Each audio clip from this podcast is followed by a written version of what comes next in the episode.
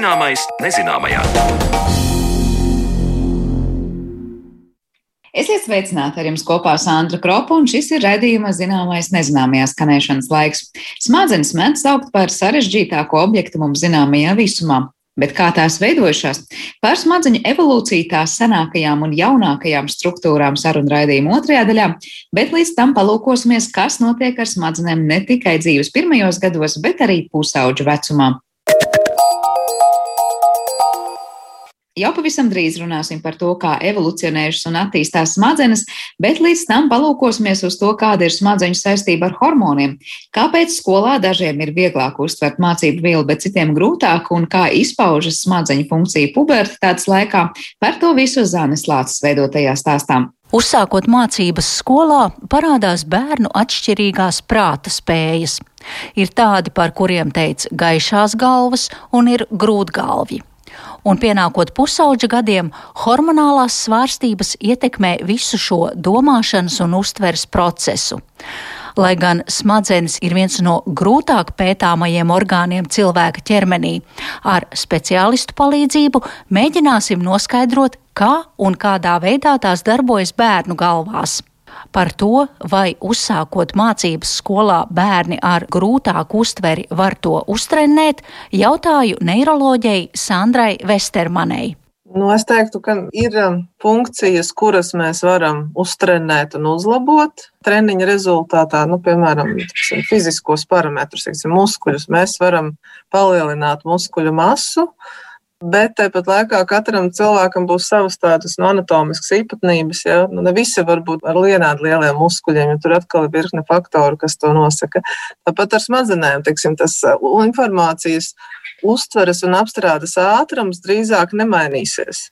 Tie, kas ir tie lēnie, Viņi var darīt uh, lēni, bet labi. Un viņu problēma ir iekļauties nu, noteiktā sistēmā, un pakļauties kaut kādiem noteikumiem, un rezultātā viņi izkrīt no tā kopējā nu, reitinga, ja, jo viņiem nav iespēja parādīt to, ko viņi prot, jo viņi vienkārši dara lēnāk. Tāpēc tādā nu, skolas sistēmā Viņiem ir grūti, jo tas ir savā lēnā tempā. Protams, aiz lēna informācijas apstrādes varianta ir jāizslēdz kaut kādas arī nu, diagnozes un patoloģijas. Arī, ja. Tur ir ļoti plašs diapazons no nosacīti normāla lēnuma, jā, līdz kaut kādām diagnozēm, kas klasificējas jau kā mācīšanās traucējumi, kā diagnozes. Jā. Kas attiec uz tiem ātrajiem, tad uh, ir bērni, kuri nu, teiksim, pirmsskolas vecumā ļoti ātri attīstās. Teiksim, viņi agri sāk staigāt, agri sāk runāt, agrāk par citiem sāk lasīt. Bet uh, tajā pusauģu vecumā viņiem šīs ātrums un šī informācijas apgūna atšķirība no citiem var izlīdzināties. Jo viņi sasniedz noteiktas prasmes, kas ir visiem vienādas, ja noteiktā vecumā viņam vairs nav tālāk, kur pārsteigt. Ja? Bet tas atkal ir ļoti individuāli jautājums, par ko mēs runājam. Tas ir cilvēki ar tādu ātrā temperamentu, kuri visu dara ātri un kvalitatīvi, vai cilvēki, kuri dara ātri, bet pieļauj kļūdas. Un tad atkal ir tas nu, medicīniskais aspekts, ja, kad mēs atkal varam, nevienmēr ātri ir labi. Jā, jau var darīt ātri, bet pieļaut kļūdas, vai darīt ātri, bet pēdējā brīdī. Un tas uh, arī nevienmēr ir nu, labi, esot sabiedrībā un mēģinot iekļauties kaut kādā vidē. Ja? Tā kā tur ir ļoti plašs diapazons. Bet um, tas, kurš ir pēc savas temperamenta, nu, lēnais tips, viņš nekļūs ātrs tikai tad, ja viņi ieliks apstākļos un tādos, kur viņš steidzina, skubina un, un mēģina padarīt līdzīgu citiem. Viņš nonāks stresā, viņam būs ar stresu saistīts problēmas. Mazvērtības kompleksi, sajūta, ka viņš ir neveiksminieks, jo viņu nekad nenovērtē, jo viņam nav bijusi iespēja parādīt, ka viņš patiesībā var. Tikai viņam vajag vairāk laika. Tad, ja es pareizi saprotu, te runa nav par mūsu slinkumu vai čaklumu, bet eh, par uzvedību un uztveri, ko kontrolē mūsu smadzenes. Tas ir saistīts jā, ar šiem smadzeņu funkcijām. Šīs funkcijas viņas atrodas noteiktās smadzeņu struktūrās, noteiktās smadzeņu zonās vai daļās, kuras kaut kādu iemeslu pēc vienam ir labāk attīstītas, citam mazāk attīstītas. Jā. Un, teiksim, ja šo tādu noviržu nav pārāk daudz, tad kaut kā izlīdzinās un cilvēks, nu, tā kā, nu, teiksim, skolā tiek cauri, ja katram mums ir savi mācību priekšmeti bijuši, kas labāk padodas vai sliktāk patiesībā līdz ar to. Varētu teikt, ka mums katram ir savas smadzeņu īpatnības, ar ko mēs atšķiramies no citiem. Nu, reti ir tādi, kuriem viss padodas ideāli labi. Nu, tas ir smadzeņu struktūras un funkciju īpatnības, kuras atšķirās un, un, un nebūs divu vienādu cilvēku. Jautājums ir par to, kādā pakāpē viņas ir traucētas vai izmainītas.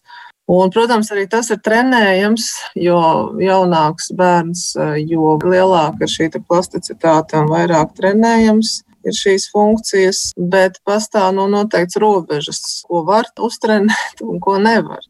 Kā teica neiroloģija Sandra Vestermane, tad bērnu spēju domāt un uztvert skolā var veicināt individuāla pieeja katram smadzeņu darbības tipam. Proti, atbilstoši uzdevumi katram pēc viņa spējām dod iespēju bērnam šo savu saprašanas un mācīšanās potenciālu realizēt. Un turpinot pētīt, kā tad smadzenes darbojas pusauģu gados, kad klāt nāk pastiprināta hormonu darbība, to lūdzu skaidrot Rīgas Stradiņu Universitātes psihosomatiskās un psihoterapijas klīnikas ārstei, psihoterapeitei Laurai Valainei. Tātad pusaudzis un izmaiņas viņa smadzenēs kas ir šajā pubertātes laikā, smadzenēs būtībā attīstās vairāk šī, tas tāpat kā arī bērna vecumā, bet ir šīs arī prefrontālās garozas attīstība, kas ir saistīta ar lēmumu pieņemšanām, ar cēloņu saku izpratni.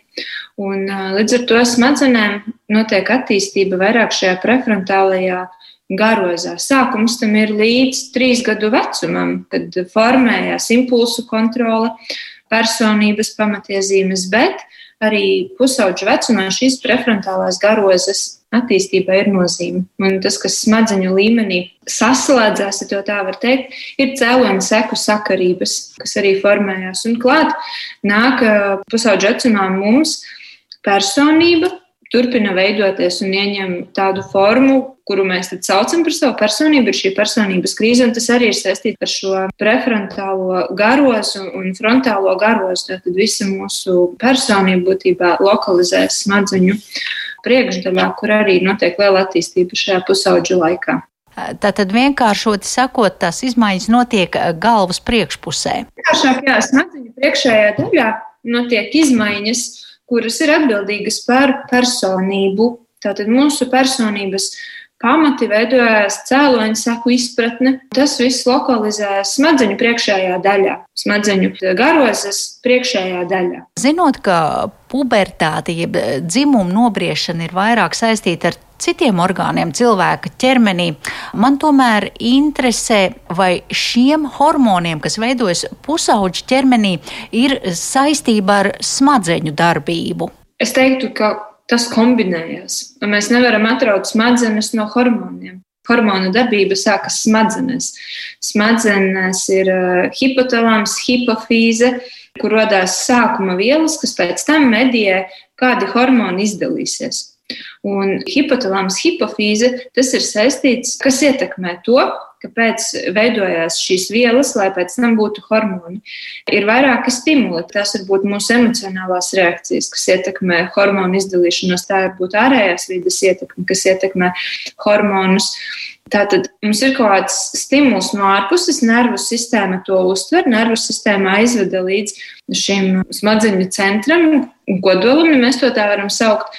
Un tajā brīdī izdalās vielas, kas pēc tam aiziet uz, uz šiem orgāniem, uz mūsu hormonu dziedzeriem, uz endokrīno sistēmu un izdalās hormons. Un hormons savukārt dod konkrētas izmaiņas atkarībā no tā, kāds ir tā mērķis, un tas ietekmē arī pēc tam smadzeņu darbību tajā skaitā. Līdz ar to es teiktu, ka tie ir nesaraujamas lietas, kas nāk kopā.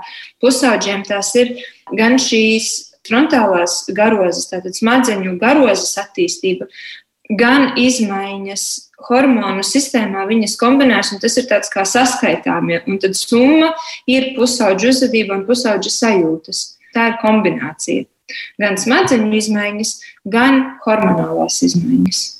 Cik ļoti pusauģu uzvedību, kas bieži vien ir ļoti tādas spilgtas, emocionālas galējības, kontrolē viss šis jūsu nosauktais smadzeņu darbības un hormonu sajaukums, ja tā var izteikties? Vispirms ir noteicošais temperaments. Temperaments ir kas tāds, ar kādu mēs piedzimstam. To mēs nevaram mainīt. Ir vieni ar straujāku temperamentu, vieni ar tas, kā mēs reaģējam, vispirms ir atkarīgs no temperamenta. Ar temperamentu mēs piedzimstam, un temperamentu raksturo mūsu nervu sistēmas darbību, tad uzbudinājumi un kavēšanās procesi nervu impulsu pārvadē. Un tas ir tas pirmā lieta, kas ietekmēs, kāds būs šis pusaudzis. Un tam klāt nāk pieredze un personība. Veselīgāk kaut kādā ziņā ir tad, ja pusaudzis ir vairāk aktīvāks, Tas nozīmē, ka viņš vairāk pauž uz āru savas izjūtas. Un, protams, tas ir stāsts par robežu, par mēru, cik daudz, kā kontrolēt savus impulsus, kā kontrolēt savas izjūtas, lai tās nepaliek destruktīvas. Un tas ir tas, kur ir nozīme šai smadzeņu garozai. Ir jāsaprot, ka pusaudzim viņa vēl tur notiek procesi par to, kā kontrolēt savus impulsus. Viņš ir nikns, viņš ir pārņemts, viņš ir dusmīgs. Un, ja viņam ir vēl strauji temperaments, no viņa prasīt, lai viņš tagad ātri savācās un ir konstruktīvs, tas ir, nu, ir nereāla lieta. Tas viņam tīri fizioloģiski nav iespējams. Un šādu uzvedību uzspiežot, var arī ļoti kaitēt, tā ka ir svarīgi šo robežu atrast.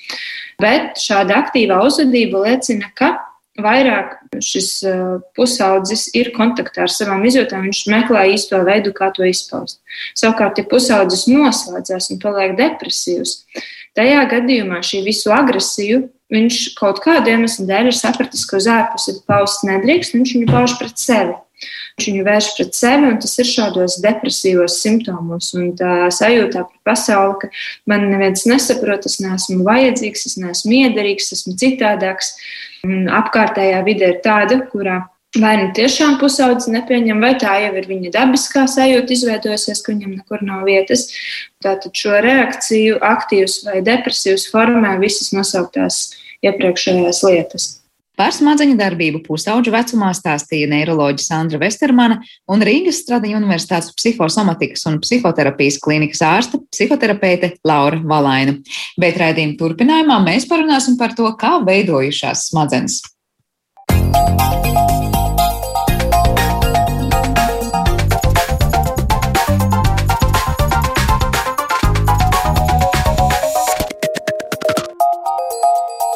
Zināmais nezināmajā. Smadzenes mēdz saukt par sarežģītāko objektu mums zināmajā visumā, un nenoliedzami tās ir orgāns, kas savas sarežģītības dēļ raisa ne tikai apbrīnu, bet arī virkni atbildētu un neatbildētu jautājumu. Šodien raidījuma atlikušajā daļā mēs pievērsīsimies dažiem no tiem, runājot par to, kā tad veidojušās un evolūcijas gaitā attīstījušās cilvēku galvas smadzenes. Tāpat arī runāsim par to, kā tās veidojas cilvēkam piedzimstot, un tieši tāpēc uz sarunas esmu aicinājusi gan neiroloģu un veselības centra apvienības neiroloģijas dienestu vadītāju Jāni Mednieku, gan arī embriologu un Latvijas Universitātes medicīnas fakultātes zinātnisko asistentu Ārti Lapseņu. Labdien jums abiem! Sveicināti! Vispirms par to, vai piekritīsiet, ka smadzenes mēs tā ļoti bieži tēlēni saucam, nu tad vissarežģītākais mums zināmajā visumā esošais veidojums un, un objekts, tā var teikt, vai piekritīsiet, ka viņas ir pelnījušas mums tādas sarežģītu titulu un objektu nosaukumu, vai jūs, kas izzināt vairāk šīs smadzenes, teikt, nu ka tā viss teikt nevajadzētu? Nezinu, Jāni, varbūt sākšu ar jums. Nu, varbūt es neesmu līdz galam objektīvs šajā jautājumā, jo es esmu neiroloģis un man gribētu domāt, ka es ārstēju tos, kas ir visi to teiksim, cilvēku organismu daļa, kas ir nu, tad, teiksim, centrālā un periferā nervu sistēma, kas ir vissarežģītākā. Nu, no otras puses, teiksim, ja mēs skatāmies arī par to, kāda tad ir šī smadzeņu uzbūve, teiksim, šūnu skaits un šis, tad, kāda tad, teiksim, arī tāda embrioģenēze, tad es gribētu teikt, ka ir pietiekami sarežģīta. Nu, Tā kā es, es varētu piekrist, jā, un eh, ko es gribu teikt, ka joprojām ir daudzi procesi, sevišķi centrālajā nervu sistēmā, kas līdz galam nav skaidri un kas tiek pētīti. Un, eh, un, un, un, eh, līdz ar to es domāju, ka var piekrist. Par smadzenēm vēl daudz kā nezinām, par to arī vēl parunāsim. Arti, Kā ir ar to sarežģītības pakāpi smadzenēm? Nu, ņemot vērā, ka es, kad es pasniedzu šos priekšmetus studentiem Latvijas universitātē, mēs pats dažādas sistēmas teikt, ka jā, ja ne pats sarežģītāk, noteikti viena, nu, nu visticamāk, ka viss sarežģītākā. Protams, viss ir no skatījuma punkta, jo mēs vairāk par kādu orgānu uzzinām, tad arī mēs, teiksim, tā, tā sarežģītība it kā pazūd mums, bet kamēr mēs kaut ko nezinām, tikmēr tas liekas sarežģīts. Un uh, uz doto brīdi smadzenes ir viena no tādām sistēmām, un nervu sistēma kā tāda, kurā mēs tiešām ļoti daudz ko līdz galam nezinām. Uh, parasti mēs salīdzinām, nu, man liekas, tas salīdzināms ir trāpīgs. Smadzenes kā tāda milzu pilsēta ar daudzām ielām, kur ir ļoti liels satiksmes plūsma, visu laiku kaut kas notiek, kaut kas krustojas, un, un, un tajā daudz savienojumu reģionu un rajonu un tā tālāk. Un ko jūs nosaucat par tādu smadzeņu vissarežģītāko nu, lietu vai vietu? Vai tas ir visa uzbūve, vai tas ir tas, kas notiek kaut kādās neironu savienojuma vietās, par ko mēs varbūt pēdējā laikā uzzinām vairāk nekā pirms kādiem 30 gadiem? Kuras jums liekas tās lielākās, sarežģītākās lietas? Nē, nu, es, es teiktu, tā, ka vissarežģītākā, vissarežģītākā laikam ir garoza. Protams, ja mēs skatāmies tīri no nu, uzbūves. Jo smadzenes, es neteiktu, ka tā ir kā māja, drīzāk tas ir tāds, um, ja mēs par to evolūciju runājam, tā, viņas kā uzslāņos ir struktūras, kas ir vecākas un kas ir jaunākas. Un pat jaunākā struktūra, jeb neokorteks, ir šī garoza. Uh, tā, protams, ir vissarežģītākā, jo par to mēs vismazāk zinām, jo viņi ir iesaistīti tieši mūsu apziņā. Uh, Un tās struktūras, kas arī ir pie smadzenēm, pie muguras smadzenes, mēs diezgan labi saprotam, kā viņas strādā. Mēs zinām, kurā vietā rodoties bojājumi, būs kādas reakcijas, teiksim, kā cilvēks cietīs, kādi būs simptomi, bet um, par to teiksim, garozu tur mazliet vairāk ir nezināmo jautājumu. Mm -hmm, paldies! Jā, nu es varētu piekrist par to, ka tā garos tiešām ir tā visvēlāk attīstīsies, tas neokorteks. Un tā tas arī ir. Un, ja mēs skatāmies par to, cik mēs ļoti labi saprotam, kāda funkcija ir konkrētai smadzeņu zonai, tad ir zinām, ka jau teiksim, nu, no, no 19. gadsimta ir dažas zonas, kurām ļoti labi ir zināma šī funkcija, ko viņas izpild. Piemēram, tāda bija šis runas centrs, ja broka zona, kur 19. gadsimta vidū tika noskaidrots Tad kreisajā puslodē pašā tiem, kas ir kam dominantā roka ir labā, tad, tad Ir skaidrs, ka šis centrs pierādīja par noteiktu funkciju atbildēt. Tāpat arī teiksim, kustību centri, tātad motorā garoza, jūšanas centrs, sensorā garoza, viņiem diezgan skaidra tā funkcija, zinām. Bet, ja mēs paskatāmies par tādām sarežģītākām funkcijām, piemēram, kurā, kur izpildē ir iesaistīta teiksim, pieredze daiva, redzam, ka īstenībā neviens centrs pats par sevi neveic funkciju. Tas ir drīzāk tāds kā tīkls, jeb neironu tīkls, un tad, kur ir vairāki centri, daļa varbūt ir nozīmīgāka, daļa mazāk nozīmīga, bet tā teiksim, funkcija arī traucējums var rasties, ja kāda, no šie, kāda daļa no šī tīkla ir izmainīta. Un kas ir būtiski arī um, runājot par šādiem tīkliem, ka, um, ja mēs skatāmies uz citiem orgānu sistēmām, mēs domā, vienmēr uh, gribam tiksim, raksturot ar, ar šūnu skaitu, uh, kas ir uh, sastopams uh, konkrētajā orgānā vai teiksim, konkrētajā attīstības stadijā, tad uh, nervu sistēmā tas pasaka daudz ko, bet no otras puses uh, tas pasaka maz, jo tāpēc, ka uh, nervu sistēmai um, nobriestot, kas veidojas, īstenībā veidojas daudz, daudz šīs sinapses, nervu un savienojumi, un arī mācīšanās process, tāpēc tā skaitā arī atmiņas process īstenībā ir ja, nevis jaunu šūnu veidošanās, bet tieši jaunu sinapšu veidošanās bieži vien. Bet tas, kas tajās sinapsēs, tajās savienojuma vietās notiek, tas ir kaut kas pielīdzināms. Ja mēs runājam par lielu pilsētu ar ielām, tad tādos kā krustojumos mēs varam vērot, ka tur nu, tiešām tā satiksme ir daudz sarežģītāka un intensīvāka, ka kaut kas līdzīgs ir arī tajās sinapsēs, ka tā ir tāda signāla tikšanās vieta un tā varbūt ir tāda, es nezinu, cik izzināta vispār pasaule. Um Jā, principā tā var daļēji to nosaukt, bet tā tāda ļoti sarežģīta krustošanās vieta, jo tās sinapses ir ļoti daudz starp tiem neironiem. Un, uh, Šādā veidā smadzenes nodrošina to, tos kalkulācijas procesus, jo varbūt sinapses, kas kādu neironu aktivizē, un varbūt sinapses, kas viņu kavē. Tad šīs kavējošās un uh, uzbudinošās sinapses un to kaut kādu noteiktu uzbudinošu vai kavējošu sinapšu kopums arī nosaka tā nākamā neirona reakcija. Un šādā veidā smadzenes uh, apstrādā informāciju, viņām pienāk kavējoša, stimulējoša signāla, un tad beig beigās tā viņa summa arī nosaka tā nākamā neirona darbība, un tādā veidā tie neironi ķerīties viens ar otru sazinās un nonāk pie kaut kāda lēmuma nu, tas no savas puses, no šīs histoloģiskās uzbūves, mēs skatāmies, um, kā šīs smadzeņu sinapses ir uzbūvētas. Bet tas, ko Jānis pirms brīža teica par to, ka ne visu nosaka, ja es pareizi saprotu, šūnu skaits, tad smadzeņu gadījumā mēs varam teikt, tur ir diezgan liels tas šūnu skaits. Vai tomēr mēs varam teikt, nē, tur ir vairāk tā sarežģītība un tā struktūra, kas nodrošina to smadzeņu visu funkcionalitāti un sarežģītību. Ne tik daudz tas, cik daudz ir pašu nervu šūnu. Pilnīgi Protams, nervu šūnas ir svarīgas, bet, mm. ja mēs skatāmies nervu šūnu skaitu, teiksim, nobrieduši pieaugušu cilvēku centrālajā nervu sistēmā, tad, teiksim, tas ir kaut kāds 100 miljardi. Ja? Tad uh, sinapšu skaits ir daudzkārt, daudzkārt lielāks. Tā, tā ir tā būtība, ka, kas arī būtiski ir pie dažādām saslimšanām, kur mēs sastopam tādu procesu kā neiroplasitāti, jeb spēju pielāgoties bojājumam. Tas īstenībā notiek caur to, ka veidojas šīs jaunās sinapses, jaunie savienojumi dažādu funkciju veišanai. Tāpat tās, nu, nu, kā tas arī ir māc, mācīšanās nobriešanas procesā. To es gribēju vienkārši teikt. Viss ir tā kā salīdzinājumā. Jā, Artim bija laikam piebilde pie tikko teiktā. Jā, tieši tā, es pilnīgi tam piekrītu, ka uh, viens neirons pēc savas uzbūves, viņš var būt vienkāršāks vai sarežģītāks. Un tie neironi, kas ir uh, šajā garozā, viņi ir ļoti sarežģīti un veido ļoti daudz sinapses. Jo uz vienu neironu var būt daudz, daudz tūkstošu sinapšu. Tas nav tā, ka viens neirons saistīts ar citu. Tie ir tūkstoši. Ja, ja mēs redzam, sinapšu skaits ir triljonos, tad uh, un, un neironu skaits ir miljārdos, nu, vai simts, tad, teiksim, no tā. Tad, tad ir būtiski atšķirība tomēr. Tātad tiešām nu, apjoma ziņā tas, kas notiek smadzenēs, ir tiešām prātam neaptverami pēc brīžiem. Jūs teicāt par to, ka tā garoza ir tā jaunākā un tā sarežģītākā daļa, un no tikko dzirdētā, tad es saprotu, tas ir ne tikai tāpēc, ka mēs varbūt salīdzinoši maz esam paspējuši par to uzzināt un izpētīt, bet tie procesi, kas tur notiek, un tās sinapses, kas tur ir, tās arī padara to garozu par tik sarežģītu, eh, var teikt, smadzeņu daļu. Kas ir tās pārējās, tie uzslāņojumi, ko Arts teica? Kā ir, ja mēs ejam slāni pa slānim ap, atpakaļ laikā?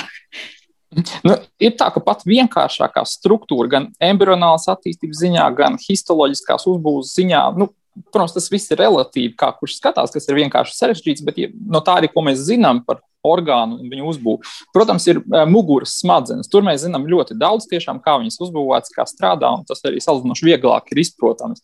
Un eh, nākamais, nākamā struktūra, mēs ejam no muguras uz augšu, mēs ejam iekšā galvas kausā, pa galvas kausu atvēri lielo. Ir tāda struktūra, kas sauc smadzeņu stumbrus, un viņa gan pēc savas embrionālās attīstības, gan pēc savas uh, funkcijas ir ļoti līdzīga muguras smadzenēm. Un tā embrionāla attīstība visām smadzenēm un muguras smadzenēm ieskaitot, sākas no caurulītes. Ir tāda struktūra, kas saucas nervu caurule, un no viņas tad attīstās visas šīs struktūras, gan galvas smadzenes, gan arī muguras smadzenes. Muguras smadzenes saglabā šo caurules struktūru. Viņas būtībā ir caurule, kurā ir centrālais kanāls, ap kuru ir šie nervu audi, kas nodrošina šo neironu tad, tad, um, funkciju arī. Ja mēs skatāmies uz to smadzeņu stumbru, tad viņš savā ziņā arī turpina atgādināt šo caurulīti, gan ar salīdzinoši tādām lielākām modifikācijām. Viņam ir noteikti paplašinājumi, noteikti sašaurinājumi, bet vēl joprojām saglabājas daļai šis caurulītes uzbūve. Bet tad, ja mēs ejam jau augstāk, kur ir šī um, garoza un smadzenītes, un tātad šis citas struktūras sarežģītāks, tur jau tā uzbūve pilnīgi vairs neatgādina šo cauruli. Tad var redzēt, ka arī embrionāla attīstībā šī sarežģītība pieaug šīm augstāk esošām struktūrām, kas parādās tātad evolūcijas laikā arī vēlāk klāt un kas ir sarežģītāks. Un um, šīs te struktūras, kas ir tieši um, ar galvas smadzenēm saistītas, kas ir salīdzinoši vienkāršākas, bet ne Tas nenozīmē, ka nenozīmīgs. Protams, ir tas arhikorteks un paleokorteks. Tas ir daļas, kas saistītas ar ožu, kas saistītas ar atmiņu. Tā kā redzat, arī sanāks struktūras ir ļoti nozīmīgas. Piemēram, šis hipokams, kurā veidojas atmiņa. Un šajā reģionā arī ir tā sākuma daļa, tas ir tas smadzeņu stumbrs. Un tajā smadzeņu stumbrā ir ļoti daudz dažādu struktūru, kas atbild par mūsu elpošanu, sirdsdarbību. Ja tās tiek bojātas, tad mēs, protams, um, nevaram dzīvot. Un tas ir letāli. Tādēļ, nu, lai gan tās vienkāršākās, varbūt senākās struktūras nav tik sarežģītas, viņas ir ļoti, ļoti funkcionāli, teiksim, nozīmīgas mūsu eksistencei.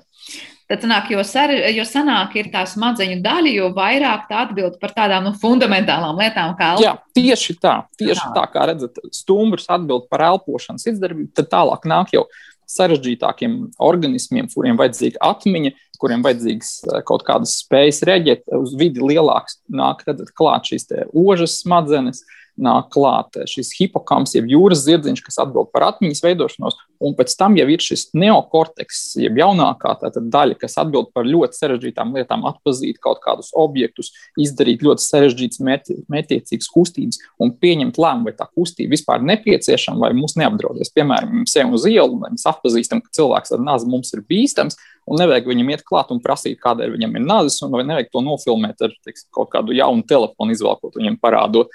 Mēs saprotam, tas ir bīstams cilvēks, jo viņam ir objekts, nāzis, un tad nu, no viņa vajadzētu izvairīties, nevis iet viņam klāt. Jā, bet tas arī smadziņš, tā, tas, kas korteks mums pateiks, ka vienā brīdī mēs redzam, tas ir cilvēks ar nāzi, un kuram nav jātuvojas, vai tas ir cilvēks ar nāzi, jo viņš tirgojas, nezinu, kaut ko un griež. Jā, tas, būs, tāpēc, tas būs mūsu iepriekšējā pieredze, tieši tā. Mhm. Tas viss jā, ir tāds, viss jau ir tāds kortikāls funkcijas, jā, tieši tā. Uh, jā, par to, kādā veidā tās smadzenes var teikt, nu, līdz mums ir izaugušas. Tad mēs varam to iedomāties evolucionāri. Es tagad domāju, ka tas stumbrs un tālāk attīstās tās daļas, ko Arts tikko minēja. Uh, es tur nesadzirdēju, kurā brīdī, piemēram, parādās tādas smadzenes, par kurām mēs arī bieži esam atsevišķajos raidījumos runājuši. Tā ir tāda salīdzinoši sena, taču vai ne struktūra smadzenēm?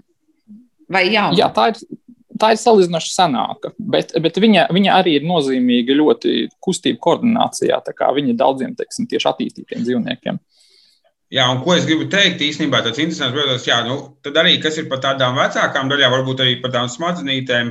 Jā, tas kustību koordinācija, tas ir tas viņu funkcija, kas ir ļoti skaidra. Savukārt, ja mēs skatāmies, kas, kur tad vēl kādās funkcijās varētu būt iesaistīti, tad, teiksim, ir atsevišķos kognitīvos procesos viņa smadzenīšiem tomēr arī ir loma, jo tur ir smadzenīšu saites ar, piemēram, pieredzi daivu.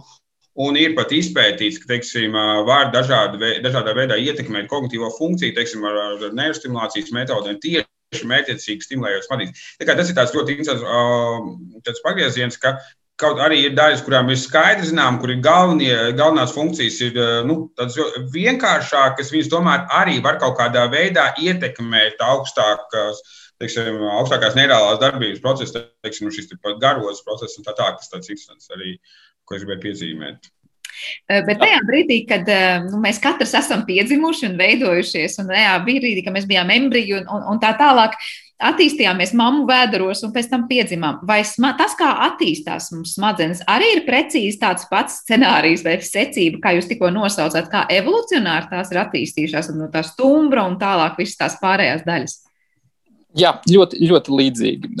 Tas pirmās sarežģītākās, tas vienkāršākās atvainojas struktūras salīdzinoši ātrāk attīstās bet uh, tas neokorteks, kas ir sarežģītākā struktūra, viņš attīstās aptuveni uh, otrajā grūtniecības pusē, palielinoties šim krokojuma skaitam šai sarežģītībai. Jo, jo lielāks ir tas neokorteks virsmas laukums, jo uh, vairāk informācijas var apstrādāt, ka nozīme ir nevis tai smadzeņu masai vai tieši neironu rūtas skaitam, bet arī tam virsmas laukumam, jo šie neironi izkārto tādās kā radiālās tādās kolonnās šajās smadzenēs.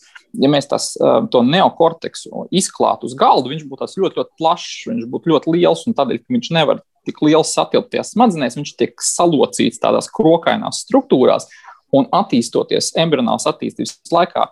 Um, šim auglim, viņam šajā augļa periodā arvien vairāk un vairāk palielinās šis krokojums. Tā kā jā, tas ir tieši arī embrionālās attīstības laikā, tas, kas attīstība turpina pats pēdējais, ka citas struktūras jau ir relatīvi noformētas labi un jau var sākt kaut kādas primitīvas funkcijas arī veikt. Bet no kā ir atkarīgs tas, vai tas izklātais laukums būs liels vai nebūs liels, nu, kamēr tas krops veidojas? Jo varbūt vienam tas mm. -hmm. būs lielāks, otram mazāks. No kā tas būs atkarīgs? Tas būs atkarīgs galvenokārt no iedzimtības. Lielākajai daļai cilvēku viņš nav ļoti radikāli atšķirīgs. Tās krokstēji anatomiski ir iezīmēts un ļoti precīzi. Un, ja kaut kas neveidojas pareizi, ja nav pareizs šis krokojums, neveidojas pareizi daivas, piemēram, smadzeņu vai puslodes, ir sevišķi tas ir tāds retāks variants, ka abas puslodes saplūdušas kopā un ir viena acis, piemēram. Tad, tas ir ļoti smagas iedzimtas saslimšanas, parasti ar vai nu letālu iznākumu, vai uh, arī ar ļoti smagu garīgu atpalicību, ja tie bērniņi izdzīvo.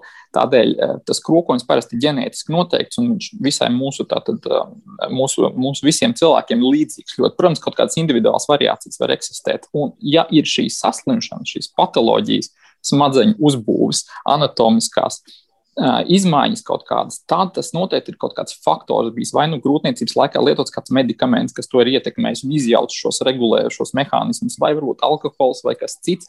Um, kas to ir izjaucis. Jo tā normālā programma, kas ieslēdzās, lai izveidotu pareizu šo smadzeņu uzbūvi, un pēc tam viņa pilnībā izveidos, tas ir kārtībā. Bet, ja kaut kur tajā attīstības brīdī, sevišķi agrīnē, iesaistās kādi kaitīgi faktori, tad, protams, tā nobīde var būt un izveidos nepareizi anatomiski smadzenes.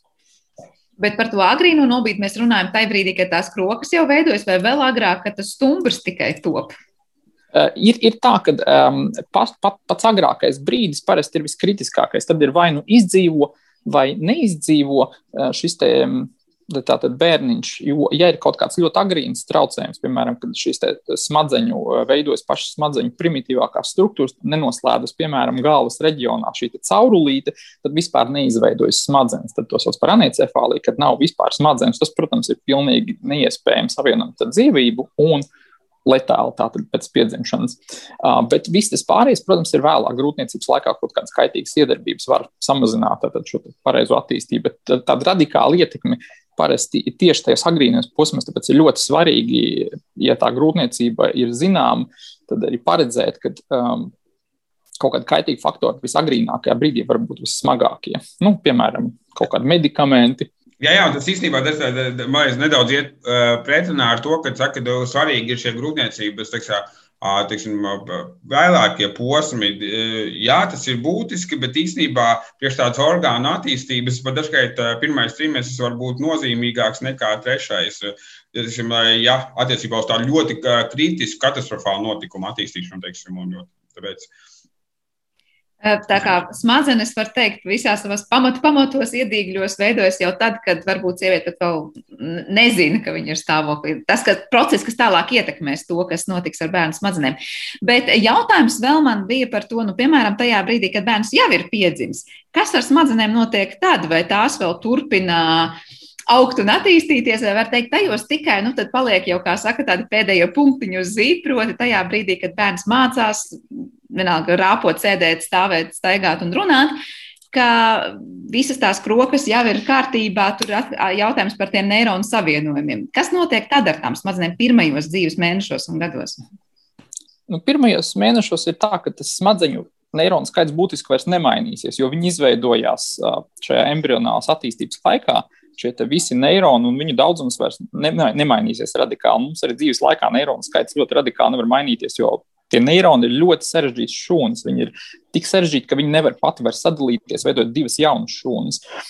Tādēļ tas smadzeņu masas pieaugums, lai gan ir diezgan liels, jo piedzimstot tā smadzeņu masa ir maza, viņa kā pieaug vairākas pat reizes, jo tas piedzimušam bērniņam ir 25%, ja nekļūdos aptuveni no tās pieaugušas cilvēku masas. Uh, Viņš, šis pieaugums ir pieaugot paša šūnas lielumam, un ja šūnas lielums pieaug, jo veidojas jau tās sinapses un izaugumi dažādie, kas padara to šūnu sarežģītāku. Tā kā tā šūnas sarežģītība mainās, mums nobriestot, pēc dzimšanas mūsu smadzenēm. Un, protams, mainās arī tāda šūnas, ko sauc par gliju, kas apņem šīs smadzenes. Arī to sarežģītība pieaug. Un īstenībā glija ir tikpat svarīga kā tie neironi. Lai gan par tādu gliju varbūt daudz nav dzirdējuši, kas nav saistīta ar medicīnu, ar bioloģiju. Bet ap katru neironu ir aptinušās tādas glijas šūnas, kas nodrošina pareizu impulsu pārvadi un ļoti ātru impulsu pārvadi.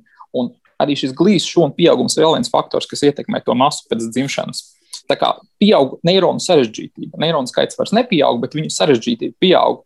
Un pieaug viņa izmērs, un pieaug glīzes šūnas izmērs un sarežģītība. Tad tās glīzes šūnas veidojas skaita ziņā tieši tad, pat, tad pat kad neironu šūnas vai neironu kā šūnas. Viņas, viņas veidojas kopā, kopā ar neironiem, jā, aptuveni vienā laikā.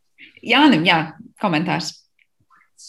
Nu, jā, un īstenībā arī es, es kā, kā neiroloģis teikt, ir tādas saslimšanas, kas īstenībā kas, nu, tieši saistītas ar glīzes problēmām un kas, kas var būtiski ietekmēt teiksim, pašu neironu darbību. Līdz ar to tas ir tāds. Jautājums, ka šis atbalsta šūnas un kas nodrošina pareizu šo apkārtējo vidi vai pareizu vidi priekš neironu funkcionēšanas, nav mazāk svarīgs kā šie neironi paši par sevi. Bet jau sanāk, ka mums tad piedzimstot un sākot savu dzīvi, tie neironu skaits un glīšu skaits nemainās, tad mainās tikai tas apjoms un sarežģītība tam visam. Ir kāds brīdis, kad var teikt, nu, viss mēs esam sasnieguši, var teikt, tādu smadzeņu pilnbriedu un, un vismaz šūnu, ne tikai skaita, bet arī apjoma ziņā tās ir tādas, kādas tās nu, saglabājas visu dzīvi, vai tur tie procesi ir nemitīgi mainīgi? Tādu konkrētu brīdi es nevarēšu nosaukt. Principā tas process visu laiku mainās. Jā, nu, daži, daži saka, ka tur, teiksim, 20, 25 gadu vecumā laikam, ir tas no, briedums ir iestājies, un tad jau nu, visi tie, tie, tie galvenie neironu tīkli ir no, teiksim, izveidojušies, un, un arī teiksim, būtiskas izmaiņas vairāk ne, neveidojas. Pretstatā tam, ka nu, pirmie dzīves gadi nu, ir ļoti vētraini šī neironu. Nu, Teiksim, galvas smadzeņu nobriešana, drīzāk neironu tīklu veidošanā un tā tālāk. Mēs zinām, ka visi, visi, visi fundamentālākie procesi, protams, kā pieredze daivas, kas ir uh, svarīgas dažādu sarežģītu domāšanas procesu, uh, dažādu kognitīvo funkciju veikšanā. Tad, protams, tas, tā, tā ir tā daļa, kas. Pirmkārt, tā ir ļoti liela daļa, kas ir no garos. Šie pieredze daivā, ir lielāki teiksim, cilvēkiem nekā citiem zīdītājiem. Un, un tas ir tas arī tas fundamentāls jautājums, kas notiek ar šo pieredzi daivu agrīni, pirmajos gados. Un tās, protams, šī funkciju lokalizācija var, var būt diezgan nenoteikta. Mēs zinām, piemēram, to, ka ja mazam bērnam, piemēram, gada vecumā, dominantajā puslodē izoperē zona, kas atbild par valodu. Viņa šī valodas zona var teiksim, pāriet, šī, te, te, šo valodas funkciju var pārņemt vai vienkārši no jauna īstenībā izveidot. Uh, pretējā puslode, tad es par to plastātu. Nu, ņemot, vēlākos vecumos tas, tas, ne, ne tu, ne, tas vispār nav iespējams. Līdz ar to tie, protams, ir ļoti svarīgi nu, šādi procesi, kas kā notiek. Bet, laikam, ir dar atcerēties, ka visas mūsu dzīves laikā mēs šos neironu ceļus varam, var teikt, veidot un palīdzēt tiem veidoties. Tas nozīmē mācīties, atcerēties, darīt kaut kādas jaunas lietas, neierastā varbūt veidā. Ja? Tad, tad tas gan ir tas, ko, ko smadzenes mums nav atcēlušas. Vēl viens jautājums, ko es gribēju jums uzdot. Nu, mēs ļoti labi zinām, ka smadzenes mums diezgan daudz enerģijas patērē, vai ne? Kā tas sanāk? Ka... Jā Tas ir to sarežģītību dēļ, vai tas ir kā, kā, kā jūs skaidrotu, nu, kas ir tas teikt, nu, enerģijas prasības cēlonis? Tas skaidrums no manas puses ir tas, ka smadzeņu darbības pamatā uh, ir uh, neironu uzbudinājums, jeb darbības potenciāls un miera potenciāls, kurā atrodas šie neironi. Tad šie neironi sazinās viens ar otru ar tādu impulsu palīdzību, un tas impulss ir atkarīgs no tā membrānas potenciāla tiem neironiem virsmā.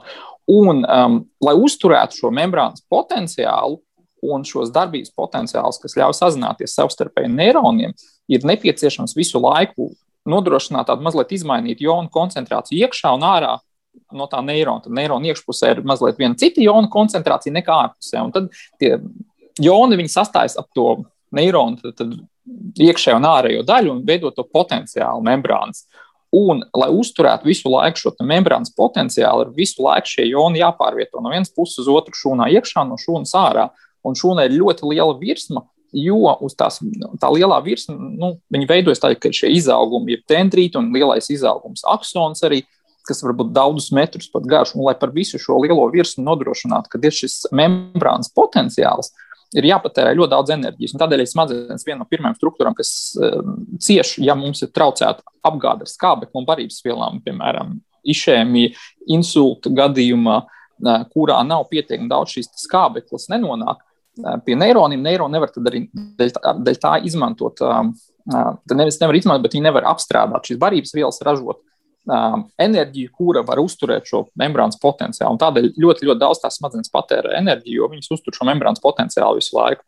Jā, un tad, protams, arī tīri, ja mēs saprotam, ka šīs uh, nervu šūnas, tad viņas pat, ja viņas tātad diametrā nav lielas, tad viņas, iedomājas, viņas ir ļoti garas. Tātad, ja mēs skatāmies nervu šūnu, kas ir no muguras smadzenēm, piemēram, nodrošina uh, kustību, teiksim, kājas īkšķi kādos muskultūrā, tad viņi var būt vairāk par metru gari. Tas nozīmē, to, ka ir arī kaut kāds vielu transports nepieciešams no viena šūnas gala uz otru. Teiksim, tādā, par to arī nevajag aizmirst. Un tas arī ir kaut, kāds, kaut kādā veidā darbs, tā, tad, kas ir nu, jāveic. Un, um, jāuztur šīs, te, šīs te šūnas, citus skēlus un tā tālāk. Līdz ar to tie ir fundamentāli jautājumi. Un, problēmas, kas jāsaka, un, protams, Um, ņemot vērā, ja mēs runājam par galvas smadzenēm, tad tā, tā, tiešām ir, ir elektriski impulsi, kas ir nepārtraukti. Galvas smadzenes strādā arī miera stāvoklī. Nav iespējams tāda situācija, galvas smadzenes, teiksim, kad cilvēks neko nedarītu, kad viņa elektriskie impulsi. Um, ka viņi būtu ļoti, ļoti, ļoti neaktīvi. Mēs, mēs, ja mēs funkcionāli izmeklējam galvas smadzenes, ja funkcionālo magnētu rezonanci vai kādu citādāk, mēs skatāmies, ka pat miera stāvoklī cilvēkam neko aktīvu nedod. Ir ļoti daudz dažādas smadzeņu daļas, kas ir pietiekami aktīvas. Un, jā, un, tas, tas ir daudzkārt, viņas ir daudzkārt aktīvākas uh, nekā jebkura cita orgānu sistēma. Nu, jā, un šī īstenībā šī enerģijas patēriņš, starp citu, uh, tu, um, ir arī tas uh, kriterijs, kāpēc šī orgāna, kas, paliek, nu, kas parā, pasaka to vai parāda to, ka nervu sistēma pēc būtības ir ļoti sarežģīta. Tad, ja viņi svērtu nedaudz mazāk par diviem kilogramiem, bet patērē ceturdaļu no visas enerģijas, kas tiek tērēta uh, organismā, nu, tas, tas ir tomēr būtisks rādītājs. Un savā veidā, ņemot vērā to šī impulsu, elektriskā impulsu nodošana un šī visu šūnu procesu uzturēšana, um, nu, uh, īstenībā tas nozīmē to, ka nav Savukārt nav liela starpība no tāda enerģijas patēriņa, vai mēs veicam fizisku vai mēs veicam mentālu darbu. Tas tā, tāpatās tās ir teiksim, arī Neirotransmitēru teiksim, kaut kādi procesi, tie ir elektriski procesi par šos neironus un tā tālāk. Un, turklāt, kas vienmēr ir ļoti, ļoti aktīvi. Tā kā vienmēr darbs smadzenēs notiek arī tad, kad mums liekas, ka mēs atpūšamies, bet laikam jāliek aiz auss arī vēl tāda lieta, ka mums varbūt dažkārt liekas, ka smadzenes, nu, tad mēs esam saistīti ar domāšanu, atcerēšanos, uztveri un, un daudziem citiem kognitīviem procesiem mūsos. Bet tas ir tiešām tāds diriģenta centrs, kas patiesībā uztur darba kārtībā visu, sākot no, kā sarunas sākumā teicām, elpošanas un beidzot ar sirds ritmu. Mums tas viss nenotiktu, ja mums galvas smadzenes, kā saka, nebūtu pielikuši savu savu darbu pie tā. Noslēdzot šo sarunu, es zinu, ka daži cilvēki, kas ir saistīti arī ar medicīnu un bioloģiju, saka, tā, nu vēl pirms 30 gadiem varbūt mums likās, ka smadzenes jau ir pietiekoši nu, daudz, mēs par tām saprotam un zinām, un tad ir kaut kādas nezināmās lietas. Un šodien šie cilvēki saka, mēs patiesībā vairāk nezinām nekā zinām par smadzenēm. Kā jūs teiktu, kāda ir tā mūsu izpratne par smadzenēm un to sarežģītību un to veidošanos un to attīstību? Mūsu rīcībā šodien vairāk zinām vai vairāk nezinām, un kas tad ir tās lietas, kas varbūt ir lielākie noslēpumi joprojām? Ar tevi varbūt sākšu. Nu, es teikšu, tā, ka jo vairāk mēs zinām, jo vairāk mēs saprotam, ka mēs nezinām. Jo mēs atklājam tādas vienkāršākas lietas, kur, kuras smadzeņu zona atbild par kaut kādu noteiktu darbību, kas diezgan viegli tie ir pētījumi, agrāk, senākie, um, kur bija kaut kāds noteikts bojājums, un to uzreiz varēja sasaistīt ar klīniku. Piemēram, kā jau tika sākotnēji šajā sarunā minēts no kolēģa par to verniks uh, lauka bojājumu, kad tas saistīts ar šo runas traucējumu vai brokāla lauka traucējumu. Eh, tad tagad, protams, viss tas vairāk ir tādā molekulārā, smalkākā līmenī, kā strādā šie neironi, kā veidojas tas sinapses, kā veidojas atmiņa. Par tiem jautājumiem tiešām ļoti daudz vēl nav zināms. Un es domāju, ka tur jo dziļāk rokās, jo vairāk atrod dažādas smalkākas lietas, ko nezinu, bet tās lielākās sāk palikt skaidras. Nu, protams, par tām zonām šobrīd ir skaidrs kurā reģionā kas par ko atbild smadzenēs un kuras teiksim, vietas sabojājot, uz kādas teiksim, izpausme klīniskā, tas jau ir zināms, jo tas ir pierādīts nu, ilgstoši pētot vienkārši cilvēkus, kuriem ir šie bojājumi un kā ietekmē tas viņu smadzeņu darbību. Tur tas ir labi skaidrs, bet kaut kādas ļoti smalkas molekulāras lietas, kādas, teiksim, Uh, regulējušas kaut kādas molekulas, kas tiek izstrādātas embrionālās attīstības laikā, kuras re, regulētu kādu noteiktu neironu augšanu vai, vai dalīšanos. Tas vēl būtu daudz lietas, kuras līdz galam nav izpētīts un kur tā lieta turpinās. Kā nekā tas sarežģītākais orgāns vai ne, un uh, objekts mums zināmajā visumā tik vienkārši nav. Jānim tad noslēdzošais vārds par to nezināmo un zināmo par smadzenēm. Nu jā, tad uh, gribētu teikt, ka nu, ja tie būtiskākie centri, protams, un tas, viņi, tas ir izpētīts un tas ir zināms. Jā, es varu piekrist par tiem augšanas faktoriem, ka viņi ir, uh, kamēr tie vienos nav mākslīgi jā, jāimitē dabiski noristošs augšanas faktors, mēs varam domāt, ka tas ir vienkārši, bet īstenībā tas nav, un uh, to mēs arī zinām.